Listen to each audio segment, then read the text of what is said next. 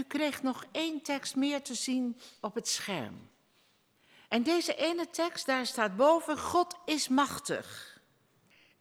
En na die verbazing, en nadat zeker weten dat David bij God hoort, zegt hij dit tegen God. Hij zegt, wat kan ik verder nog tegen u zeggen?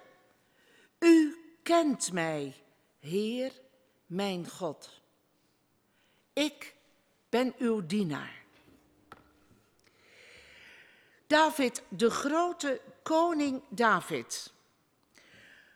Toen ik wist dat ik deze derde adventszondag de dienst zou leiden en ik keek om welke persoon het ging, was ik heel gelukkig dat ik niet over Obed hoefde te praten. Ja, top. Want David is zo bekend voor ons allemaal. David, de grote koning David. Ik zie nog maar zo David op de flanelplaten vroeger op de zondagsschool. Zo bekend. Er is over hem veel te lezen. En wat doet hij ons daarbij van de ene verbazing in de andere vallen? Hij doet grote dingen. Hij wordt een groot en beroemd mens. Wist u trouwens dat in het geslachtsregister van Jezus als enige David aangeduid wordt als koning? Bij niemand anders staat er iets extra's bij, maar bij David staat dat hij koning David was. Hij was dus absoluut een groot en bijzondere man. Maar uiteindelijk blijkt deze grote man, deze door God uitgekozen man, in al zijn ups en downs ook maar een doodgewoon mens te zijn. Een mens zoals u en ik. En ik denk dat juist daardoor David ons door de eeuwen heen enorm heeft aangesproken. Want juist dat brengt hem heel dichtbij. Wat maakt het verhaal van David nou echt zo bijzonder? Ik denk dat dit het is. Het is niet het, alleen het verhaal van David, het is ook het verhaal van God, die zijn hand op Davids leven heeft gelegd. En David zelf zegt daarover in Psalm 139, Gij legt uw hand op mij. Het begrijpen is mij te wonderbaar, te verheven. Ik kan er niet bij. Het begint al met zijn uitverkiezing en zijn zalving tot koning. Dat gebeurt in het geheim door de profeet Samuel, dezelfde die de heersende koning Saul ook heeft gezalfd. Koning Saul, afkomstig uit de stam van Benjamin, is inderdaad dan koning in Israël. Aangenomen wordt dat hij de eerste koning is. En zijn regering, het lijkt één doffe aaneenschakeling van kommer en kwel. Oorlogen, veldslagen, moord en doodslag. Je wordt er moedeloos van als je het leest. Ik heb een afschuwelijke hekel aan al die actiefilms en series met veel knallen en vechten op de televisie. Nou zit ik niet zoveel in de kamer bij ons thuis, maar als ik dan de kamer binnenkom en mijn man zit naar zoiets te kijken, dan roep ik al van verre: Is er niks anders op de tv? En als hij dan zegt nee, dan ga ik weer naar mijn eigen kamer. Nou, bij het lezen van wat er gebeurde tijdens de regering van koning Saul ben je ook geneigd te zeggen: Is er niks anders? Of kan het wat minder? Die regeerperiode van Saul, men neemt aan dat het slechts 15 jaren zijn geweest, zijn zo afschuwelijk. En Saul doet het zo slecht dat in 1 Samuel 14 zelfs te lezen staat dat het God berouwde dat hij Saul tot koning had aangesteld. Letterlijk, letterlijk zegt God, ik heb spijt dat ik Saul tot koning heb gemaakt. Hij luistert niet naar mij en hij doet niet wat ik zeg.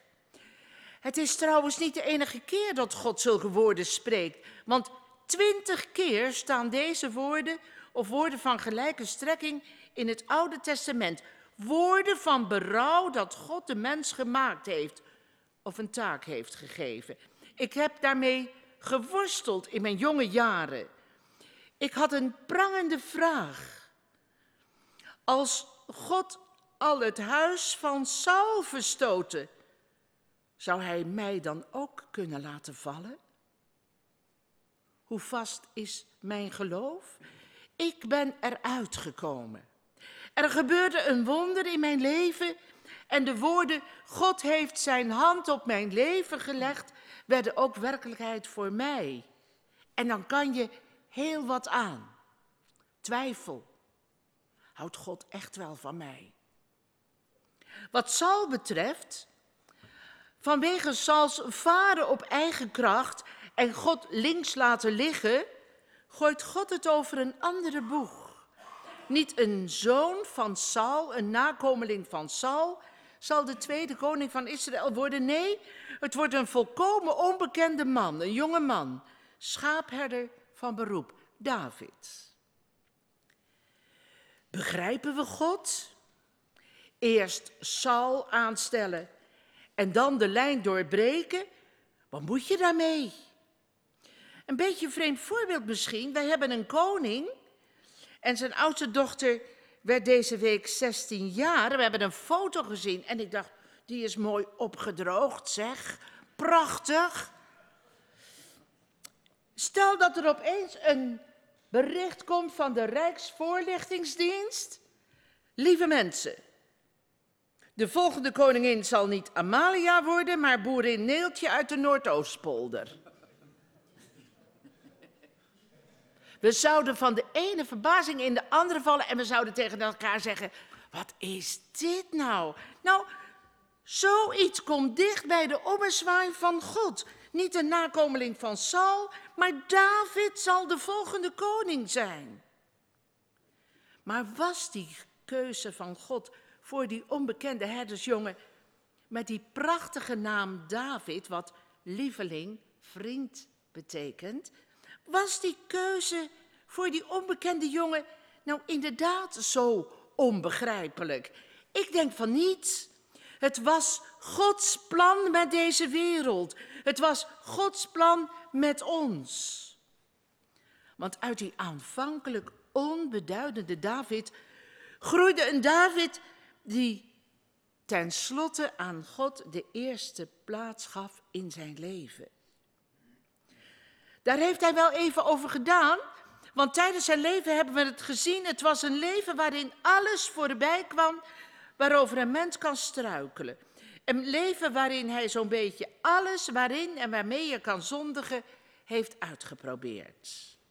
En toch kwam hij steeds weer bij God terug.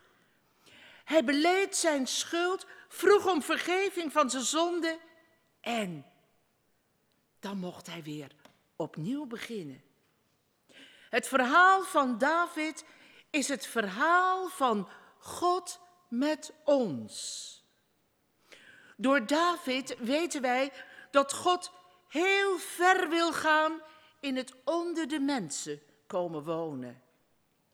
En andersom gaat David heel ver in zijn zoeken naar die ene die komen zal. Dat zoeken doortrilt zijn hele wezen. Hij kan aan bijna niets anders meer denken. En als hij dan komt, dan moet hij een huis hebben. En alle veertig jaren van zijn koningschap heeft David één groot doel voor ogen. Hij wil een tempel bouwen voor de Heer. Want die Heer woont nog steeds in een tent. De tent die ook 40 jaar lang meegezult is door de woestijn. Nee, het moet een echte tempel worden van steen. En die moet gebouwd worden op een heilige plaats in Jeruzalem, het godsdienstig middelpunt van het Joodse volk. Ja, dat moet het worden.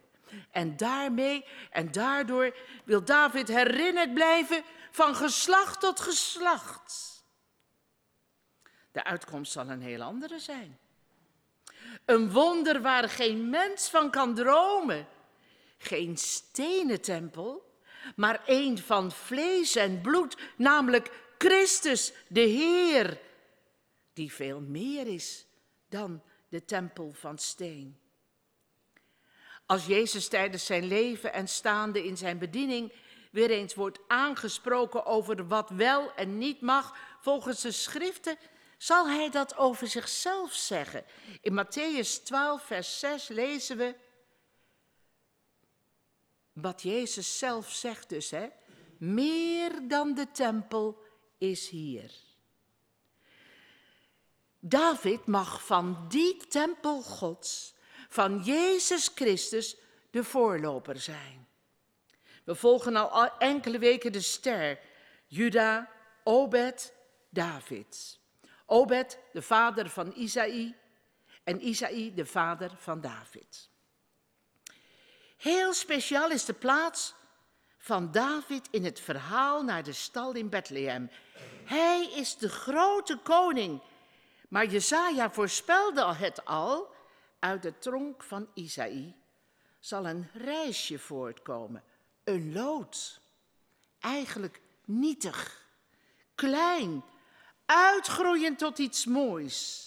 Het gaat veel verder. In de openbaring van Johannes, het boek van de toekomst, lezen we: Er is iemand die de dood heeft overwonnen. Hij is een nakomeling van David en hij wordt de leeuw van Juda genoemd. Openbaring 5, vers 5. Hieruit blijkt, blijkt dat Jezus een bijzondere positie heeft ten opzichte van David. Hij is en zijn nakomeling en Davids oorsprong. Juda is vanaf David gerekend tien generaties terug. Het verhaal van kerst is dus het verhaal van eeuwen en eeuwen. Het is het verhaal van de beloofde Messias. Maar Gods beloften zijn niet alleen van toen, ze zijn ook van nu. God beloofde destijds aan David, in jouw familie zal er altijd iemand koning zijn. En wat deed David nou met die belofte? We lezen het in de Bijbel. Davids geloof steeg boven het aardse koningschap uit. Want ook hij keek vol verlangen uit naar de komst van koning Jezus. Veel van Davids psalmen spreken van een redder die komen zal. Mensen, zegt hij steeds opnieuw, wees blij, juich voor de Heer, want hij komt. En die belofte is ook nu nog actueel. Mensen, maak je klaar. Het licht der wereld is komende. David, de gedeelten die we gelezen hebben, spreken van een gezettelde David. En David die tot rust is gekomen. Hij wist zich veilig bij God. En hij wist ook, en als ik struikel, dan richt hij me weer op. En bij mijn God is steeds opnieuw een nieuw begin mogelijk. Vandaar die rust en zekerheid waar we ook over gezongen hebben. Blijft staan dat David zich in zijn lange koningschap niet altijd van zijn beste kant liet zien. En als je je verdiept in zijn leven, kom je absoluut unaniem tot de conclusie dat hij naast een groot koning ook maar een gewone, bij tijd en wijle zondig mens was. En toch een voorvader van de beloofde Messias. En dat laatste zegt alles van God. God kijkt met andere ogen naar ons dan wij naar elkaar kijken. Het allerbelangrijkste uit het Bijbelgedeelte wat gelezen is, zijn deze woorden. God, wat kan ik verder nog tegen u zeggen? U kent mij. Heer mijn God, ik ben uw dienaar. Die woorden raakten mij. Ook gesproken door Maria, de moeder van Jezus, een onbeduidend jong meisje. De engel zegt, je zal moeder worden van de Messias. En dat kind, ze weet, ze geven geen raad en ze zegt nog eventjes in de vertwijfeling, hoe kan dat nou? En dan, er breekt iets in haar door. Dan zegt ze hetzelfde als David. Dan zegt ze, laat maar gebeuren wat er gebeuren moet. Ik zal mijn Heer dienen. Ik ben onlangs aan een lezing geweest van theoloog Peter Ben Smit. Hij heeft een boekje geschreven, een schitterend boekje. Met andere ogen kijken, leren kijken naar het kerstverhaal. Er ging een wereld voor me open. En in mijn boekje, wat ik gekocht heb, heb ik twee quotes opgeschreven. Twee dingen die hij noemde en die me raakten. Kerst. Het gaat er niet om of het verhaal waar is. Het gaat erom of het verhaal waar kan worden. Wat hebben, een verhaal, wat hebben we aan een verhaal van toen? Het verhaal moet zijn, Christus is geboren en hij is ook geboren in mijn hart. Ja, fake nieuws. We kennen iemand die het er steeds over heeft. En deze professor zei ook, kerstmis, fake nieuws of nieuws voor de toekomst? Ik geloof in nieuws voor de toekomst. Ik denk nog steeds, lieve mensen, en dat denk ik al mijn hele leven, dat het beste nieuws is wat we kunnen horen, maar ook wat we kunnen brengen. Dat dat het nieuws is van Christus komend als licht in de wereld. Laat hem zien. Getuig van hem. Vertel van zijn komst. Getuig van zijn reddende kracht. Fake nieuws of nieuws van de toekomst? Ik ga voor nieuws van de toekomst. Kerstmis. Vraag jezelf niet af of het een verhaal is wat waar is. Het gaat erom of het verhaal waar kan worden. Christus kwam als kind in de stal, maar Christus wil ook geboren worden in ons hart. Hoe we dat kunnen doen, Christus toelaten in ons leven. Eén ding. Zeggen net als David, Heer, ik wil uw dienaar zijn. Amen.